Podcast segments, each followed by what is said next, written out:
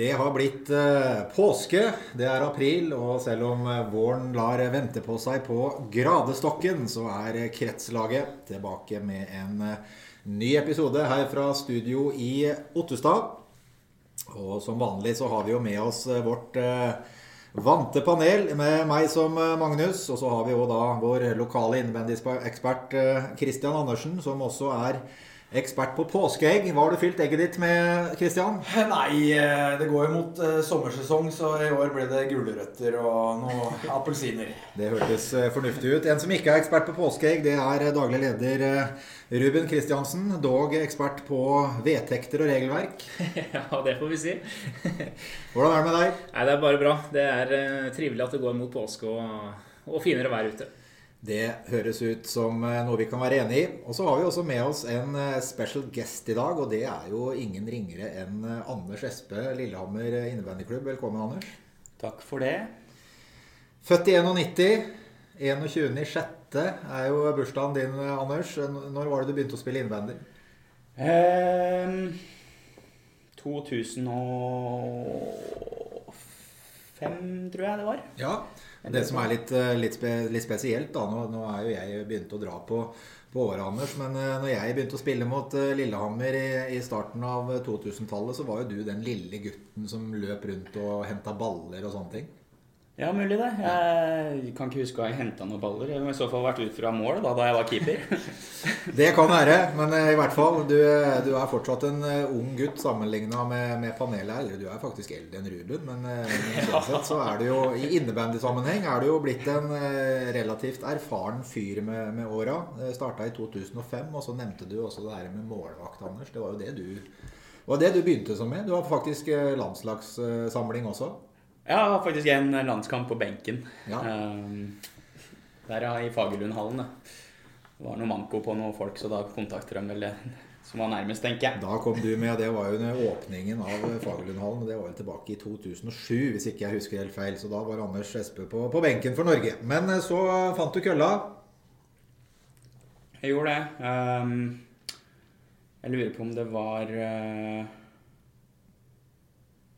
Akkurat årstallet husker jeg ikke. Det var 2009 eller eh, Ja, 2009 tror jeg det var. Eh, Jeg begynte å spille ute. Det er jo sånn de, de fleste kjenner deg, Anders, med, med kølle og ball. Eh, Lillehammer innebandyklubb er, er jo din eh, både barndomsklubb og, og klubb du har både vokst opp i og drevet også. Du har jo vært leder i klubben og etter hvert også eh, trener osv. Eh, hva er det beste minnet ditt eh, opp gjennom åra? Ehm, nei, altså det som eh, Det jeg husker aller best, er jo det Jeg tror det året vi spilte førstedivisjon i 2010-11. Tror jeg er nok det som, som generelt er det beste minnet. Syns det var, selv om vi gjorde det så som så, så var det utrolig gøy, da. Um, og eh, farte litt, eh, farte litt rundt og møte litt andre klubber og spille med gode spillere og mot gode spillere. og det er veldig gøy. Og så um, har man jo sånne enkeltstående minner som er eh, Som eh, har brent seg litt fast. Vi har jo en RM-finale i 2016 der som eh, veldig mange husker. Og så har årets sesong vært veldig morsom. Um, og Nei, det er jo Men jeg tror nok sånn Summa summarum så er det nok det den, det året vi spilte førstedivisjon tilbake i 10-11 og, og liksom den gjengen som var da og, og sånn som, som er et stort sånn helhetlig minne da kanskje som, som har brent seg litt ekstra.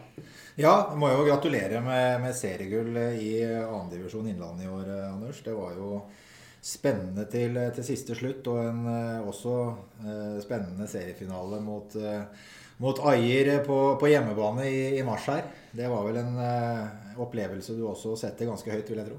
Det var veldig morsomt, og så er det um, Det er noe med det Vi har mange Vi har veldig mange unge, og som du sa, så jeg har sittet både med trenerverv og lederverv og Det er ikke altfor mange år siden eh, klubben eh, lå med relativt brukket rygg heller, så det å liksom kunne være med på å lykkes sportslig og eh, ikke Vi har jo for så vidt redda klubben og bygd opp klubben på nytt også, men det å, å få sportslige resultater og se, se summen av eh, eller altså se de unge spillere som har vokst opp i klubben og nå er med og vinner sammen med dem, det syns jeg er utrolig, utrolig kult. Da. Ja, det, det, var jo en sånn uh, lite tidsskille i Lillehammer. De rykka jo opp til, til førstedivisjon. Uh, må rette deg litt, for det var i 09-10 som dere var oppe. Uh, og så måtte dere trekke laget, Anders, uh, etter det. Jeg tror jeg må rette deg igjen. Altså, ja, vi, vi kan godt gå inn i tabellen og se etterpå. Men dere trakk jo laget etter den, den, den sesongen ja. i, i førstedivisjon. Og så skjer det jo da et eller annet med klubben, både i forhold til drift, i forhold til Yngres, og så blir det en sånn restart igjen i 2014 med, med Yngres lag. Hva var det som skjedde da? Um, vi, vi spilte førstedivisjon. Uh, det er uh, kostbart, det krever ressurser, penger. Mye. Jeg tror det er vanskelig å sette fingeren på Det er veldig langt tilbake òg, så vanskelig å si. Det er sikkert et, et helhetlig bilde, men vi var veldig få ressurspersoner. Det er sjelden et godt utgangspunkt når det er mye som Når man skal ha styring på et satsende seniorlag kombinert med Yngres avdeling. Og jeg tror det Det var et krevende år for ressurspersoner. Og da er man kanskje sliten, og så blir folk satt i verv som de De, ønsker, de ønsker de vervene, men men det blir kanskje ikke så lystbetont at man føler et sånn behov for at man må, i stedet for at man faktisk har lyst. da. Uh, og det, det, fortsatte egentlig den tralten med at vi, vi var veldig få få ressurspersoner. Og så var det jo For min del så var jeg ikke så tett påkobla klubben heller fra, fra 2012 og til 2015 pga. studier. Så akkurat sånn hva som, hva som foregikk der og der da ikke sånn, husker jeg verken så godt eller var så veldig påkobla, men det var, det var veldig få ressurspersoner, og det det handla vel egentlig bare om å få komme seg rundt, rundt vinteren. Ikke, det var ikke noe veldig sånn fokus på utvikling eller Ja. Jeg tror det er veldig sammensatt. Det er som regel det. Eh, men det har skjedd mye i Lillehammer de, de siste årene. Og Kristian, vi har jo, vi har jo mang en match i eh, Kristinshall. Vi kan si mye om eh, Kristinshall som, som sted. Det er kaldt, og det er surt, og det er dårlig gulv og mørkt. Men eh, kultur, det har den hallen, Kristian det er noe med å komme inn i en idrettshall og lukte at du er i en idrettshall, tenker jeg da. Det er litt sjarm, det. Jeg savner òg et par og 20 centimeter med is innafor eh, skyvedøra bak sekretariatet. Det er jo det er noen sånne arenaer du ikke glemmer. Og så tror jeg det er eh, bra for idretten og for Lillehammer innebandyklubb å komme til litt nyere arena. Det tror jeg vi kan være enige om. Veldig flott uh, ny eh, hjemmehall for, eh, for Lillehammer innebandyklubb ved Nordre Ål skole, Anders. Det er jo uh, som natt og dag å komme dit. Det er til og med lys i taket. Dessverre. men det, det, er litt sånn der spennende sak i forhold til det stedet. fordi at sånn utøvermessig på, på yngresiden så er vel kanskje Nordre Ål skole den dere har færrest utøvere fra. Er ikke det litt rart? Ja, det kan man si. Jeg tror jo um, um, Jeg tror jo det har litt uh, Det er litt det å være litt tilfeldig. Um, litt i forhold til hvor uh, Kall det kjernen av unger Hvilke skoler de er fra. Vi har jo vi har jo veldig mange barn som går på Vingar skole, bl.a. Eh, som er den skolen i Lillehammer som er lengst unna Halden. Så det er jeg, Og så er det litt eh, Hadde vi på en måte hatt målretta rekruttering mot Nordre Ål, så kunne det sikkert vært flere fra Nordre Ål. Hadde vi hatt det mot, eh, mot Hamartun, så hadde det vært flere derfra. Ikke sant? Jeg tror Og vi har ikke hatt noe sånn målretta i hvert fall så vidt meg bekjent, rekruttering mot enkeltskoler. da. Tror jeg, er veldig, jeg tror det er sånn Man er avhengig av å treffe visse grupper Eh, om det er på Vindar, eller om det er på Nordre Ål, eller om det er på Hamartun eller Sør-Ål eller eh, Røyslemoen. Det det tror jeg først og fremst er litt tilfeldig. Mm. Da har vi blitt litt kjent med vår gjest her i dag, og også fått snakka litt om eh, Lillehammer eh, innebandyklubb. Eh, Vi må slippe til Ruben også. Jeg har ikke fått sagt Ja. noen ting ennå. Så vi har jo noen infosaker sånn i forhold til regionsøyet med. Vi er ferdig med serien, Ruben. Du har jo sittet og administrert dette her. Hva, hva er din kommentar? Nei, altså Det har vært en serie med enormt mye aktivitet. Mer aktivitet enn vi har hatt noensinne i seriespill før. Eh, det er flere lag og vi har flere serier, så det, er- det er kjempepositivt. Det viser at eh, det er hardt arbeid over mange år som nå begynner å, å vise seg i, i da form av flere lag da, som deltar på ting, og ikke minst utøvere. Så det har vært en morsom eh, serie med nye aktivitetstilbud. Litt endringer i de tilbudene vi har hatt før. eh, og videre drift av de som vi kjenner til på scener og sånne ting. Så totalt sett en veldig morsom serie og sesong som vi nå er, eh, er ferdig med. Ja, vi er stolte av både klubbene og litt av oss sjøl òg. Det har vi lov til å være etter en sånn type sesong. Eh, og nå skal jo på en måte tallene ned på papiret, Ruben. Samordna rapportering den åpna jo eh, 1. april på, på lørdag. Eh, hva er det for noe?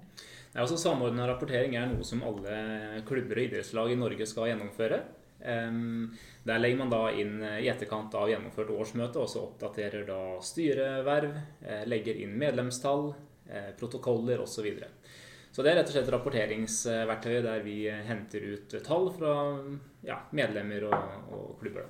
Ja, og Et veldig viktig arbeid å, å gjøre for klubbene også, for dette danner da grunnlaget for LAM-midler, eller lokale aktivitetsmidler, som deles ut av de, de ulike idrettsrådene i, i kommunene. Og Den jobben den eh, gjøres på Lillehammer med, med bravur, Anders.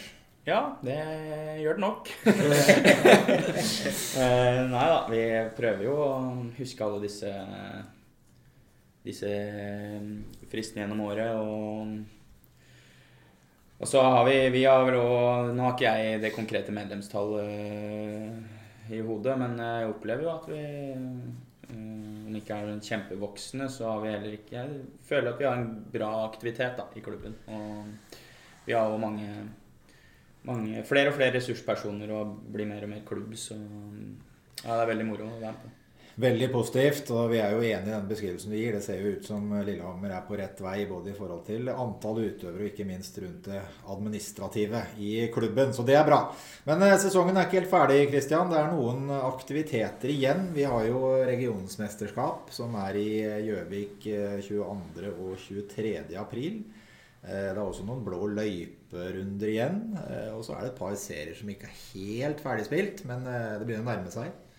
Hvordan oppsummerer eh, styreleder eh, aktiviteten, og ikke minst det som kommer, eh, kommer nå? Ja, Det er vanskelig å ikke henge seg på det Ruben sier. da. Det har vært en, det har vært en sesong med vanvittig bra med aktivitet. Eh, veldig gledelig det. Og det er jo veldig gledelig å se litt inn i kula og se at neste sesong òg virkelig kanskje skal toppe det enda mer. Med potensielt en G17-serie også, som vi ikke har hatt på lenge. Så det, det er veldig gledelig. Uh, og så er det spennende. Det er jo påmelding til blå løype. Det er bare å oppfordre til det. Få med den siste aktiviteten. Så skal vi vel runde av G13-serien nå rett over påske. En liten sånn uh, Hengematch. der. Uh, så det, det blir spennende. Og så er det klart eh, RM er, er kult, da. Det, det er gøy. Som vi har snakka om før, jeg er jo veldig tilhenger av at vi avslutter sesongen med det.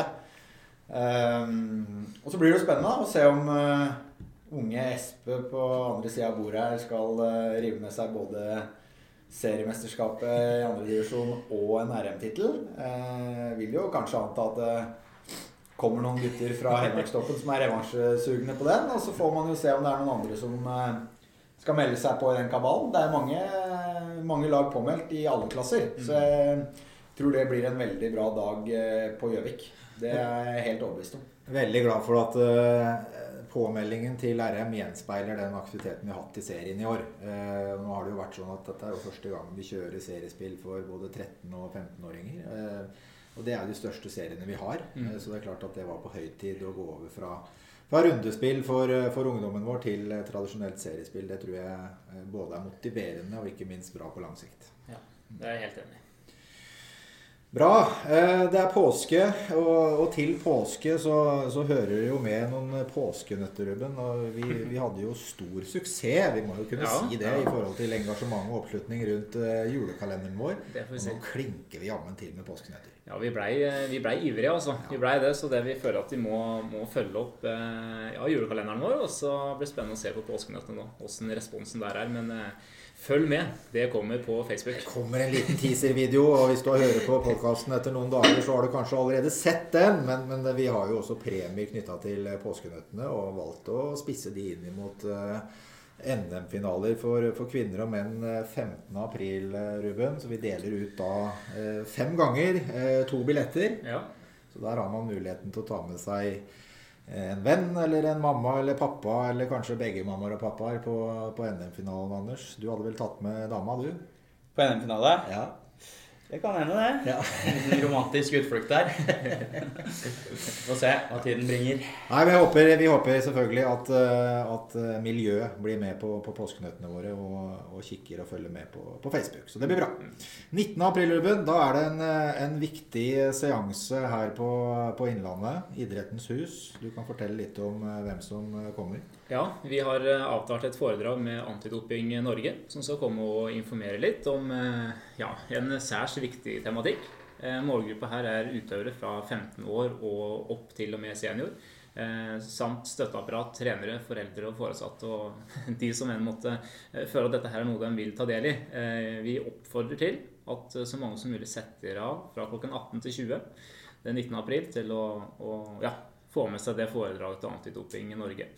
Så vi har lagt ut en artikkel på nettsida vår der det er litt mer om informasjon eh, rundt den kvelden, samt lenke til påmelding. Ja. Så her er det førstemann til mølla. Det er et begrensa antall plasser, så ja, vær tidlig ute med påmeldinga.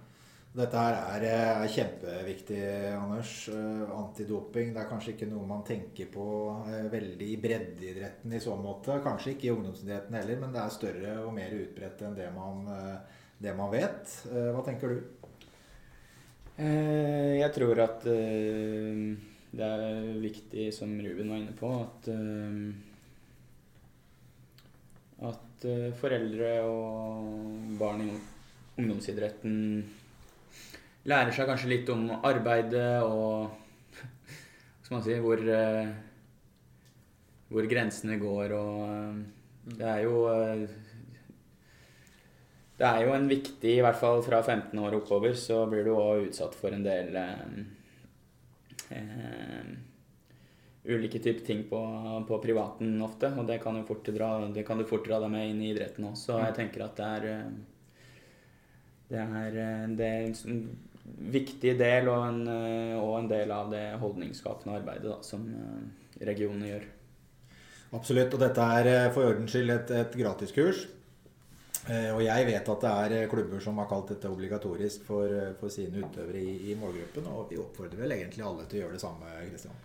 Ja, jeg kan ikke se noen grunn til at man ikke skal gjøre det. Det, det er viktig å kanskje bevisstgjøre spillere mest på, på en måte hva man eh, kanskje har i seg. Det er fort gjort å ta turen over uh, svenskegrensa og kjøpe seg noe kreatinpulver eller hva det måtte være. og så så aner man kanskje ikke konsekvensen av eh, et så uskyldig preparat i mange settinger faktisk eh, kan gjøre med kroppen, eller kan gi på, på, en, eh, på en test. Da. Så det er viktig. Så det, det er en klar oppfordring til klubba at eh, ta det her på alvor, i hvert fall. Anbefales for det, for det varmeste også foreldre i, som har, eh, har barn i ungdomsalder, eller kanskje kommende ungdomsalder. Man, man lærer mye. Jeg har vært på dette kurset flere ganger sjøl. Og syns det er eh, meget eh, interessant, og det er lavterskel, eh, rett og slett. Så, så dette her anbefales på hver varmeste.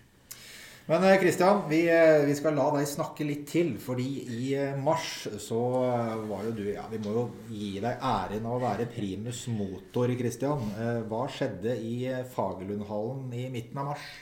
Nei, Da hadde vi jo tidenes jenteløft da, eh, Innlandet bandregion. Det er nesten, det er jo nesten kallere tidenes jenteløft i norsk bandysport for øvrig. Det er jo det er ikke mange som har kopiert eller gjort lignende.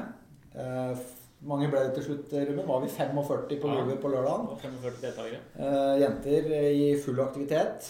Leda under kyndig ledelse av eh, U19-aktuelle jenter fra tunet og sveiva. Så det, det var en kjempedag i Fagerlundhallen. Det så ikke en sur mine på de timene vi holdt på der. Så det var eh, veldig gøy. Vanvittig morsomt å, å være til stede og, og se på. Og så klart Vi hadde jo med en del jenter fra Oslo og Akershus. Men, men så må vi også nevne at det var godt besøkt av innlandsjenter. Kristian.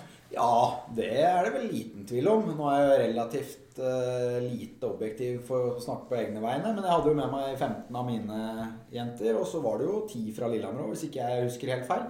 Pluss uh, at det var andre klubber representert. Ei fra Ottestad. Her må du hjelpe meg å korrigere litt. Uh, og så var det fra Mykla hadde med ei jente. Og Moelv.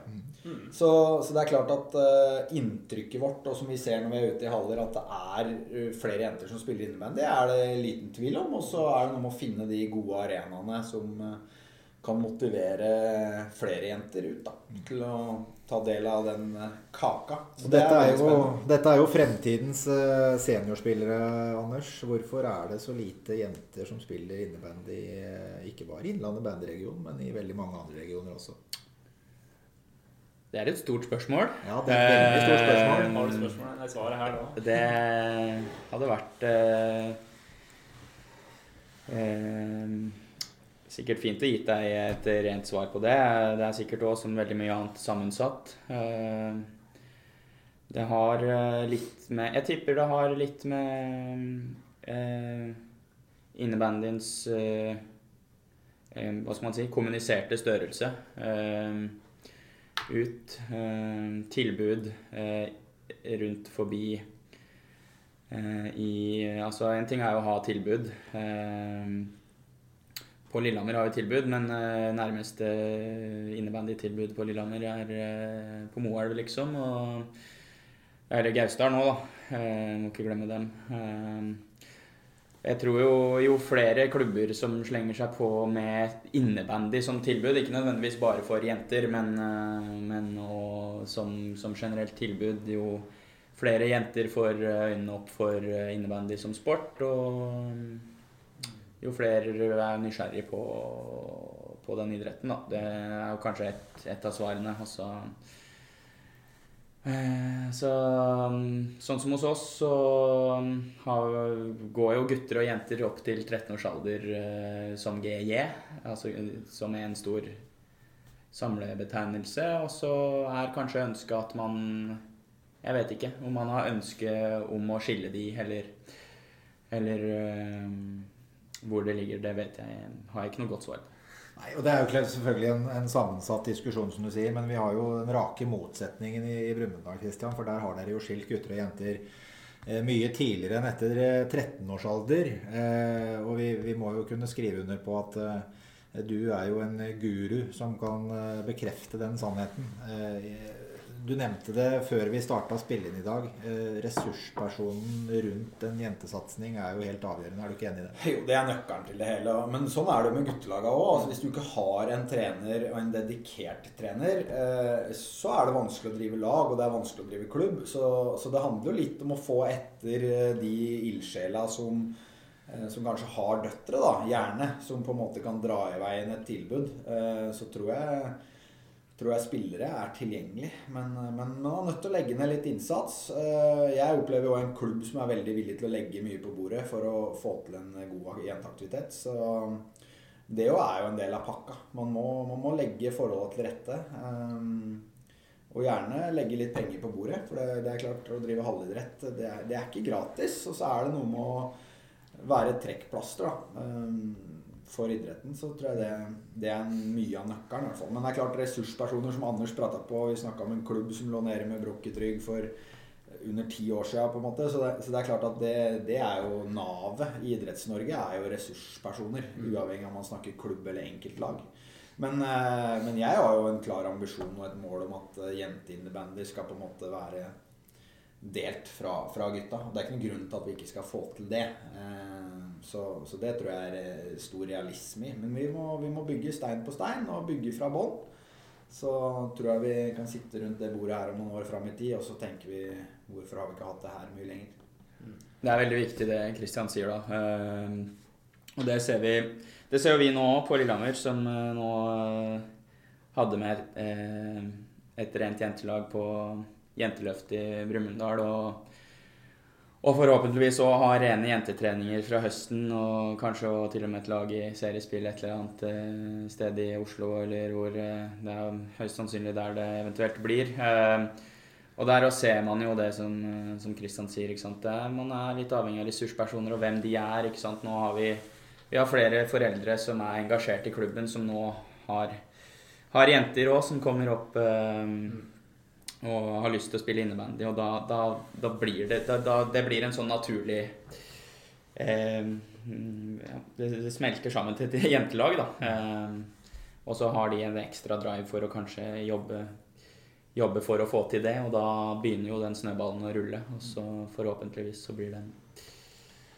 større og større. Det gjør det. Eh, send de på studietur til eh, Fagerlundhallen og Christian Andersen. Han er også ekspert på, på jenteinnebandy nå. Eh, så det er klart at det, det er mye å, å, lære, og ikke minst eh, muligheter for å kunne ha et samarbeid også. Det tror jeg er viktig i disse i disse tider. Eh, innebandy og media. Det, det sendes jo innebandy på, på, TV. Vi har jo diskutert My Game før. Vi skal holde oss langt unna den eh, diskusjonen i dag. Men også på TV 2 så får man jo sett noen kamper om dagen. Eh, neste nå er jo NM-finaler for, eh, for, kvinner og menn 15.4. Eh, men i tillegg så har det kommet opp en, en serie på TV nå som, som kalles Innebandykrigerne. Eh, man skal vel ikke ha sett altfor for mye TV til å skjønne at dette er vel en parodi på mer kjente iskrigerne, Christian. Hva, hva er ditt inntrykk av innebandykrigerne? Nei, jeg, jeg syns jo det er moro, da. Altså, så er det jo en såpass eh, stor parodi at uh, det er som du sier, det er lett å trekke kjensler. Og det gjør jo for så vidt serien også, og kobler seg jo veldig opp mot iskrigerne. Så jeg uh, jeg lever under mottoet at all PR er stort sett god PR. Da. Så jeg håper jo at dette her kan sette innebandyen litt uh, enda mer på kartet. Da. Og kanskje at det kan få noen positive virkninger. Sjøl om jeg veit at det er noen som mener noe annet. Men eh, jeg syns det er gøy, da. Og jeg tror at alle innebandy på TV er, eh, er bra for idretten vår. Ja, og Så kan man jo diskutere da om det er innebandy man eh, ser i denne serien her, eller om det er noe, noe annet. Men, men, det er klart det har kommet inn innspill på den serien her. Jeg har sett uh, litt i ulike forum osv. hvor man på en måte latterliggjør idretten vår. Man, man sier feil, feil fakta i forhold til antall medlemmer. Det blir jo sagt at det er 2000 medlemmer på, på 270 klubber. Det er jo riv ruskende feil. Altså Hva slags inntrykk får man i, i norske TV-seere som kanskje ikke kjenner innebandy fra før? Er det er det kult for en tiåring å tenke når man har sett Iskrigerne at yes, nå vil jeg begynne med innebandy, Anders? Nå, jeg har faktisk ikke sett innebandy i, Krigerne, ja, så jeg, er, jeg, jeg, jeg syns det er litt uh, vanskelig å liksom vite det. Men hvis det, er, hvis det er feil faktaopplysninger og sånn, så er jo ikke det bra. Men så tenker jeg det at da har forbundet kanskje en uh, jobb å gjøre til å få den faktaen ordentlig ut, da. Det tenker jeg. Det er jo viktig. Forbundet trenger jo alltid mer å gjøre, de. så det er jo fint. Hva tenker du, Ruben? Ja, altså det må jeg bare håpe, sånn som Kristian sier, at det, det, å få synliggjort innebandy at det kan skape mer interesse. Eh, også, som du sier, Mons, det, det, fremstilles jo kanskje på en annen måte enn hvordan det praktiseres, og, og hvordan det elitenivået faktisk er i Norge. Eh, det er jo litt annet enn det som kanskje vises fram i den serien. Men vi bare håper at folk har forståelse for at dette her er humor. Eh, det er en parodi. Og så at man eh, ja, kan få ut interessen for innebandy, eh, tross vinklingen som er gjort. da. Ja, jeg er vel kanskje en av de som har vært mest kritiske til, eh, til den serien her. Jeg skal innrømme at jeg har sett to episoder. Jeg lo ikke én gang, Christian, men eh, du har kanskje litt enklere humor enn det jeg har. Gi meg stripestraffe, så er jeg fornøyd. Det er gøy. Men, men, i hvert fall, det er jo Sveiva som på en måte er klubben i, i serien her. De har jo fjerna Sveiva fra, fra Rommenhallen. De har fjerna publikum og putta det inn i en plasthall på, på Hasle, eller hvor det er. Eh, og det er klart at Man fremstiller jo toppidretten innebandy som eh, rett og slett eh, noe gymsalidrett, Anders.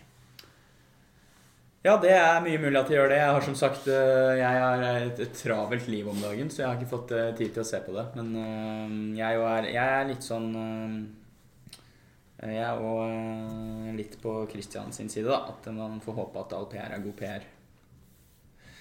Det kommer fra en som jobber i mediebransjen, så da håper jeg at du, du har rett.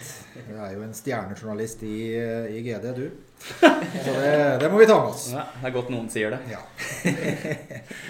Eh, vi har jo noen spennende diskusjoner. Eh, vi har for øvrig en litt lengre episode i dag. Og det er for at vi har en såpass spennende gjest i form av Anders Espe. Eh, Anders, du, jo, du, er jo god innebandyspiller. Det, det må, du skal slippe å kommentere det, men, men det er du. Eh, drivkraft. Eh, alltid vært i Lillehammer, men vi har en sånn liten fun-historie om noe tilbud fra Slevik for noen år siden. Det vil jeg gjerne høre litt om. Ja, det var jo da Det var jo sesongen etter vi spilte førstedivisjon, som var 2010-2011. Ja, ja, det, kan du bare, det kan du sjekke opp, for jeg spilte kvalik til uh, førstedivisjon dagen etter russedåpen min, som ja, var i 2010. Okay, okay. Så, um, da husker du sikkert det, i og med at det var russedåpen. ja. tenker at akkurat på årstall der, så veit jeg at jeg var russ i 2010. Ja, det, det er greit. Um, Eh, jo da, og da Vi i Lillehammer innvandrerklubb har jo en tradisjon for å, for å dra på plankecup for å kickstarte, kickstarte sesongen. Og dette var da året etter vi spilte førstedivisjon, og da også nylig hadde takka nei til å spille førstedivisjon igjen. Eh, Mista en del spillere og ja, litt andre ting. Eh, da dro vi til plankecup og gjorde det jo for så vidt eh, ganske greit der. Eh, nå har det først og fremst vært en veldig sosial happening for oss. så vi, Da vi kom til søndagen her, så begynte vi vel å bli ganske slitne. Men vi kom da kara oss til semifinale der, og så skulle vi spille mot Slevik 2, da. Og Slevik 2 de hadde jo gjerne med seg et par gutter som kunne spille innebandy og sånn, så det var jo et ganske bra lag vi møtte. og det, vi hadde jo ikke sjans i den kampen. Og så liker jeg å tro at uh, etter hvert uh, Da vi kom i kontakt med Slevik, det skjedde jo i etterkant. Men uh, jeg hadde en 13-2-redusering der på, slutt, på, slutten av På slutten av den kampen. Hvor jeg, jeg, tror det er det sykeste målet jeg noensinne har scora. Jeg dytta ballen en tre-fire meter foran meg, og så tok jeg rennafart og lada kanona og traff noe, noe så Jeg traff ballen, da, eh, til en forandring, og så gikk jo den i, i mål, da. Dette var jo fra, i hvert fall fra midtbanen, da. Og den gikk eh, oppe der eh, mamma gjemmer kakene, som de sier. Eh, og da, som sagt, så var det en 13-2-redusering, så vi var veldig, vi var veldig ferdige, da. Vi gikk i garderoben og var egentlig, var egentlig, veldig fornøyd med å være ferdig, for vi var slitne. Eh, så da kom det en uh, liten, uh, liten, kar inn. Liten kar. Jeg er ikke sikker han var sliten heller, men han var Kom fra Slevik, da. og kom inn, og så spurte han meg eller han kom vel inn og lurte på han nummer 21. Hvor er det han sitter? Så det er, meg. Og så Skyter jo alltid så hardt, eller? og jeg bare Nei. Ydmyk som jeg alltid er. jo. ja. Sa jo at jeg ikke gjorde det, da. nei, og så lurte han på om jeg hadde lyst til å komme og prøve meg i Slevik, da. Og da sa jeg på fleip at det fikk en ta med agenten min, da, som var Magnar, da. Eh, Magnar Johansen, for de som husker han. Eh, så tror jeg han egentlig ikke tok den, tok den humoren helt, fordi han eh, begynte å snakke med Magnar, da. Så etter hvert så kom jeg i kontakt med den som var jeg vet ikke om han var sportsleder eller hva det var, Alexander Lenander. Så fikk jeg dra ned og prøvespille da, for et relativt relativt eh, bra Slevik-lag, vil jeg si. De ble vel norgesmestere den sesongen der. Og det var jo prime Slevik, så det var jo utrolig gøy. Og etter jeg har vært på prøvespill der, så spurte de om jeg kunne tenke meg å flytte nedover. Og så eh, visste jeg at eh, jeg påfølgende høst skulle begynne å studere. Så da var jeg allerede i fast jobb eh, og hadde mest ambisjoner om å tjene mest mulig penger før jeg skulle studere. Så da ble det studier som ble prioritert fremfor å dra til Fredrikstad og bli norgesmester. Ja, det er jo noe man kan se tilbake på i ettertid eh, som et spennende valg, Anders. Men det er uansett en, en god historie. Eh, Plankecup er jo altså ikke helt bortkasta, det. Nei, vi har hatt mye moro, på, mye moro på plankecup. Eh, Og apropos plankecup, det er jo et sted hvor man eh, møtes i, eh, i fellesskap, eh, klubber osv. Og, så og et annet fellesskap som eh, ikke vi har i Norges Bandyforbund, eh, det er jo kretslag, Anders. Og kretslag, det er jo en, eh, det er en spennende diskusjon. Det er en farlig diskusjon, pleier jeg å si. Fordi at det er eh, ofte polariserte meninger som, eh, som kommer inn. Enten så er du for, eller så er du imot.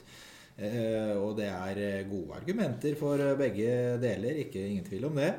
Og jeg tenkte at i og med at vi har deg her nå, så har vi lyst til å prøve å få til en svært, understreker svært, nyansert diskusjon om, om, om kretslag. Hva tenker du sånn umiddelbart om, om det her med kretslag? Jeg, eh, jeg har veldig for, for å skru tida noen år tilbake, da. Det var jo eh, et Vi snakka litt om minner på innbandybane tidligere. Og et av mine beste minner er eh, er kretslags-NM, som jeg var med på to år tidlig da jeg spilte innebandy. Da var jeg først i Østfold. og Husker jo kanskje spesielt godt det andre året da vi var i, i Oslo. Og det var jo en, en, en kjempe Det var det NM-kretslag, og alle regionene samles og spilte mot hverandre i region mot region. Og det var jo utrolig morsomt uh, konsept, og du ble kjent med spillere på tvers av uh, klubbene i Innlandet på en helt annen måte enn man uh, gjør ellers. Og man Ja, man fikk fikk konkurrere sammen og, og møtes og ja, i et eh, Jeg vil kanskje ikke si et spissa miljø heller, men du, det, det, de, det, blir jo, det blir jo litt det. eh, Og for noen så er det kjempegøy. Og eh, for andre kanskje ikke så gøy, men det var jo fullt og helt valgfritt å være med på. Så, så det var Nei, jeg syns det var eh, Syns det var kjempegøy, og jeg, jeg har jo masse venner fra den tida ennå. Og Eh, tenker jo at eh, at kretslag eh, Deres podkast heter jo faktisk det også. Um, så det, det er en diskusjon som bør tas. Og så sier ikke jeg at man nødvendigvis må um, opp på NM-kretslag igjen, men at man kanskje kan ha uh, kretslagstreninger. Uh, det er ingen tvil om at, uh, at det finnes spillere rundt omkring klubbene som virkelig har lyst til å bli gode. Virkelig har lyst til å Kall det satse innebandy, da. Det har jeg eksempler på i, i Lillehammer sjøl. Og, og, det kan være et, et, steg den veien, da. Mot å ha litt sånn spesialiserte treninger, kanskje, for de som, som virkelig, virkelig ønsker det. Og så er det noe med det at hvis du òg blir på en måte plukka ut til et sånn treningsopplegg, så er det så, så, så, gjør det noe med deg som eh, kaller det satsende innebandyspiller òg. Det er en kjempe, kjempeboost. Og så, så forstår jeg at eh, det òg kanskje kan eh, virke negativt for dem som ikke blir tatt ut. Ja, for nå, nå, nå, nå nevner jo du dine opplevelser fra et eh, perspektiv hvor du var med på det her. ikke sant? Og det er klart at det er jo den andre siden man også gjerne er litt, eh, litt bekymra for. Eh, ikke bare litt heller. Vi hadde jo kretslag i, i, i løpet av 2000-tallet som du da var en, en, del av. Og man, man fjerner dette her eh, over hele fjøla, Christian, og det var jo pga. det her med selektering. Eh, det ble jo argumentert for at eh, innebandyen ikke har stor nok bredde til å kunne selektere, og at de da som ikke ble med på et kretslag, faktisk var i mindretall.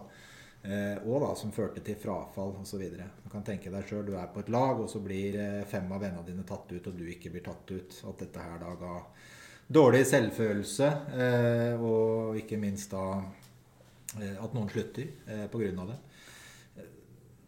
Var det klokt den gangen Christian, å avskaffe det på den måten vi, vi kjente kretslag på?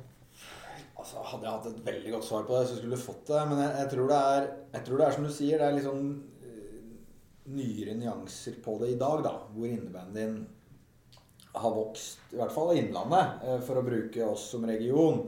Eh, jeg spilte sjøl, må føye til det, da, for det er jo så lenge siden at jeg har nesten glemt at jeg har spilt på det sjøl. Jeg kom på det nå, faktisk. Jeg husker et du skåra. Så, så jeg tror vi er på et annet sted, og så tror jeg man skal være veldig varsom med tilnærminga til det. Det tror jeg man skal være. Eh, og den selekteringa må handle mer om at man klarer å, å sette ballen i krysset. Altså Det er en del sånn holdningsskapende arbeid rundt det å være eh, Kall det toppidrettsutøver på lang sikt. Altså det å på en måte satse innebandy, som Anders refererer til her nå, det, det handler jo mer enn om at du er 11 år og toppskårer på laget ditt. Altså Skal du bli en god innebandyspiller, så er det ganske mye modning mellom øra som skal til. da Som jeg tror at er, eller må være, en del av den pakka hvis man skal ha en, en sånn type satsing. da det tror jeg er viktig å understreke. At, eh, at det er et mye større bilde og mer nyansert bilde eh, man må se på. Og så tror jeg man må være forsiktig med å underselge et produkt.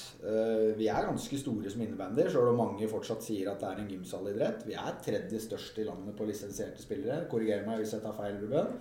Ehm, så, så, det er noe med å, å, vite at det produktet vi leverer, faktisk eh, også eh, har en viss kvalitet. Eh, og så er det jo sånn at når man beveger seg opp i ungdomsalder 13-14-15 oppover, så, så, så, er det tabellføringer, det er statistikkføringer. altså Det kommer naturlig inn i bildet. Og så skal man, som jeg sier, være veldig varsom med å ivareta et fellesskap.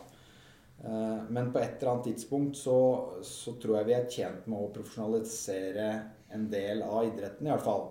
Eh, men, men, eh, men, at det skal være gjennomtenkt, det tror jeg man skal være helt bevisst på. Og så er det jo et aspekt med at man arrangerer i dag også NM-finaler for G15 og jenter 15. Så, så, man har jo et veldig sånn konkurranse- og spissa effekt der hvor man teknisk sett i ganske ung alder nå med dobbeltlisensiering f.eks. Kan, kan begynne å spisse laget allerede i, i 15-årsalderen hvis man er eh, på det nivået.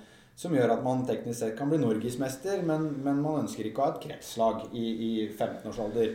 Så, så det, det, er som du innleda med, Magnus. Det er komplisert, og det er et litt sånn farlig tema. Eh, men jeg tror det er viktig å ta tak i ballen og så se på eh, hvor, hvor vil man. Mm. Og jeg husker fra vår tid òg. Altså, det var jo ingen tvil om at Oslo og Østfold på den tida var jo de laga som stort sett kriga i toppen. De hadde jo naturlig større tilsig av spillere, flere klubber. Eh, Vi slo Oslo i 2007, faktisk. Ja, ja. Så, så, så, det er jo Det er klart at det er mange faktorer, da. Men eh, jeg syns det er en spennende tanke, da. Men eh, Ruben, du som eh, sitter i den administrative delen, du kjenner jo også de andre idrettene våre. Eh, da fortrinnsvis her på, på Innlandet. Fotballen har sonelag. Håndballen har talentsamlinger. Ski har talentsamlinger. Altså alle idretter har en eller annen form for samling med selektering, altså uttak, for utøvere helt ned i 11-årsalderen. Mm. Altså Sonelaget fotball begynner jo allerede når de er 11-åringer. Eh, Innvendig er ikke det.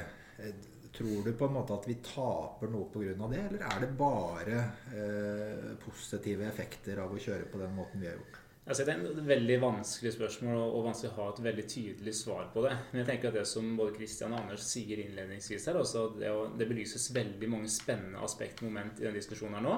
Eh, og det å ha to tanker i huet samtidig, eh, litt opp mot sammenligning med de andre som du gjør nå, Magnus, og, og hva skal vi gjøre? Jeg tenker at her har Norges Bankforbund mulighet til å finne sin egen retning. Hvordan ønsker vi å gå fram eh, for å gi et ekstra tilbud da, til de som kanskje ønsker det, de som brenner aller mest og er mest ivrige. Eh, hvordan skal vi omfavne eh, flest mulig? Det med selektering er et vanskelig tema. Eh, hvordan skal vi gjøre det på en best mulig måte, slik at vi ikke ja, eh, putter barn og unge i en bås? Eh, vi har ikke den som er best eh, og toppskårer på elleveårslaget, Christian, som du sier, det er ikke gitt at den skal bli den som blir best når den er voksen. Så er det på en måte et langt eh, perspektiv man må ha, eh, og det er viktig å ja, ta med seg de som brenner for idretten, da, som har motivasjon og, og treningstalentet, de som er glad i å drive idretten, at de også får mulighet.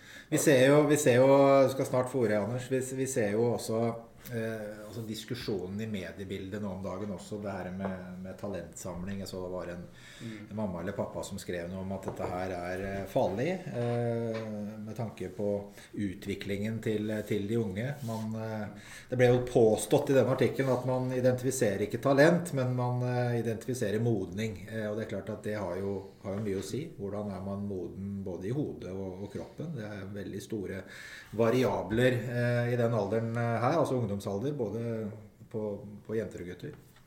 Og så er det jo også den herre aspektet med skader og belastning. Altså tidlig spesialisering. Man gjør eh, de samme bevegelsene, samme underlaget fra man er eh, åtte-ni år. og eh, når man kommer opp i ungdomsalder, så er det jo bevist av forskning også at det er flere skader i ungdomsalder enn det var tidligere. Hvilket da kan være pga. at allsidighetsaspektet er mindre enn det det var tidligere.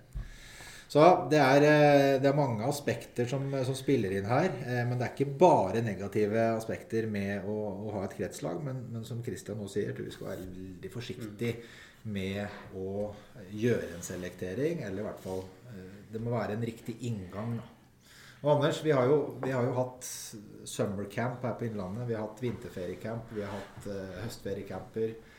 Eh, det er National Camp-samling eller regionale camper i regi av, forbundet også.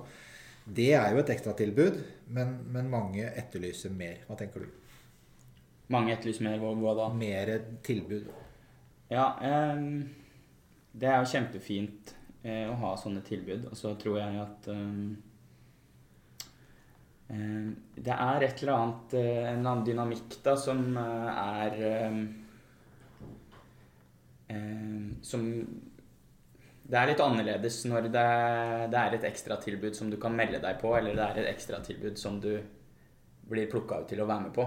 Det tror jeg, har, det tror jeg er sånn for, for uh, spillernes del jeg har litt å si. I hvert fall de som beveger meg sikkert ut i veldig farlig farvann her. Men uh, jeg er veldig pro å, å ha ekstra tilbud og, og syns man må bare satse knallhardt på det. Eh, og så tror jeg at man kan bake inn veldig mange gode tanker i å ha et kretslag òg. Altså det kommer litt an på, litt som dere prater om eh, premisser for å gjøre det. ikke sant? Du kan ha fem punkter eh, hvor ikke nødvendigvis alt går på eh, talent, men du kan ha på holdninger og eh, eh, treningsinnsats og sånne ting. ikke sant? Fordi veldig mange er opptatt av det her med at mange gir alt i ungdomsåra, og så er de late bloomers, f.eks., da, som virkelig slår ut i full blomst når de blir en 18-19 år. Mm. Men man ser ofte på dem at de har trenings, riktige holdninger og riktig treningsvilje og iver i treningshverdagen, selv om talentet Selv om det ikke dominerer da, på sitt nivå. Eh, og hvis man legger sånne premisser for å kunne være med på et på et kretslag. Altså det vil si, du kan ha talenter, men du kan ha forferdelige holdninger. Du kan ha for lite treningsiver. Sorry, du er ikke med. Jeg tror, eh, jeg tror at eh, Jeg tror at eh, hvis man gjør det riktig, så tror jeg det kan være veldig positivt tilbud, da. For, for ungdom. Og og så er det noe med det at uh, du òg kommer i et miljø hvor du da kanskje For de som faktisk er de beste, så kommer du til et miljø hvor du kanskje ikke er best. Og så kan du da ta med deg Det er noe du lærer ved å ikke være best. Man skal lære seg å være best, og så skal man lære seg å ikke være det. Og så kan du ta med deg det eh, fra eventuell kretslagssamling tilbake i treningshverdagen, og så kan du Ja, jeg tror så lenge regionen har um, um, har en tydelig, tydeligere krav, tydelig krav å kommunisere også dette og ha fokus på det på de her eventuelle samlingene, så tror jeg det kan være et skikkelig sunt og positivt tilbud da, eh, for, eh, for, eh, for unge spillere. Og man vil ha flest mulig lengst mulig, og det innbefatter, det innbefatter alle. Både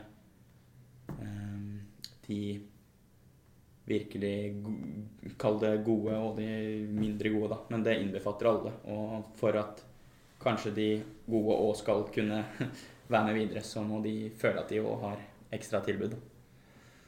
Ja, Kristian. Vi ser jo ofte på, på langtidseffekter her. Og, og, det er klart i det, i det, lange løp så er jo per i dag da, eh, U19 eh, kvinner og U19 menn det er jo det første selekteringsuttaket som, som, ungdommen møter. Det er ikke noe foran det. Nå er det selvfølgelig, som du også sa, i NM-sluttspill og sånne ting for klubblag. Men, men utover det så er U-landslaget det første man møter på, på selekteringsfronten. Eh, er det negativt? Ja, altså Jeg veit ikke helt hva Altså, Jeg tror de fleste har vært borti en selekteringsprosess i, i, så måte at man kanskje opplever at man spiller på et førstelag eller andre lag eller eh, før den tid. Det, det, tror jeg nok de fleste vil merke. I hvert fall de som er aktuelle for et eventuelt U19-landslag. Så, så, så, har i hvert fall alle stått i det. Og så tror jeg Ehm, jeg tror det er viktig å lære seg litt motgang òg, At det bygger en del eh, i deg eh, som utøver. Ehm, og så er det klart at i den diskusjonen her så er jeg kanskje aller mest opptatt av de rammefaktorene som ligger. Altså det, det, det krever vanvittig mye av de som skal lede og trene et antatt kretslag. Nettopp med det vi snakker om nå. Altså det handler om å, å ha kjennskap til spillere, holdninger, Eh, treningsiver. Eh, og ikke minst det som du innleda med, Magnus, i forhold til det med skadeforebyggende arbeid. Det, det, det, er ganske mye som ligger i ei totalpakke, da.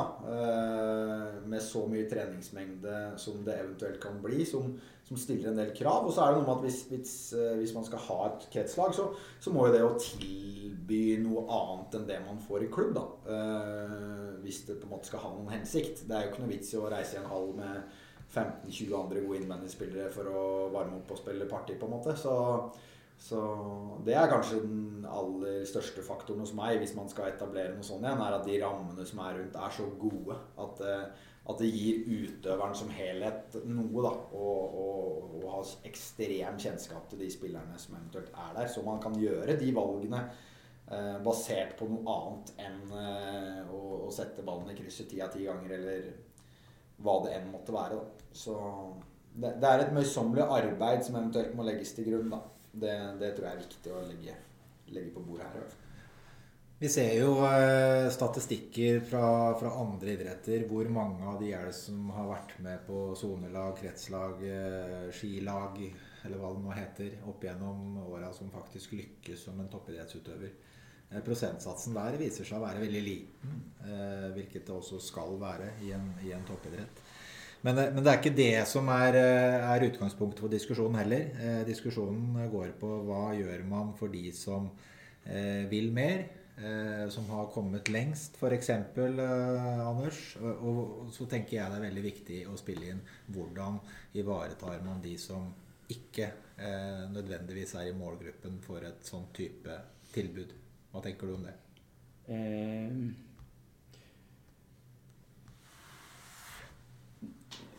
det tenker jeg at måte regionen og klubbene må på en måte Hvis man skal ha et sånt tilbud, så er det en naturlig del av um, uh, Av det arbeidet.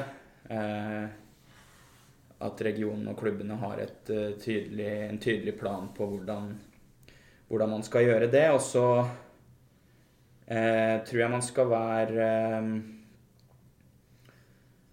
eh, Man skal ikke Man skal ikke undervurdere barn og ungdom heller, fordi eh, de de òg gjør Jeg liker egentlig ikke ordet eh, selektering. Jeg syns det er Jeg syns det er veldig negativt lada uh, ord. Uh, men uh, de òg gjør jo sine tanker i en treningshverdag og om én på laget mitt blir tatt ut i kretslag, så tror jeg mange på det laget forstår det. Um, og så handler det jo først og fremst uh, uh, om å ha, jobbe med holdningsskapende arbeid og at uh, ok, så er noen utvalgt her, men det betyr ikke at du skal gå rundt og tro du er tror du er verdens beste innebandyspiller eller tror du er mye bedre enn alle andre. Jeg tror det er der, der man først og fremst skal skal jobbe, da.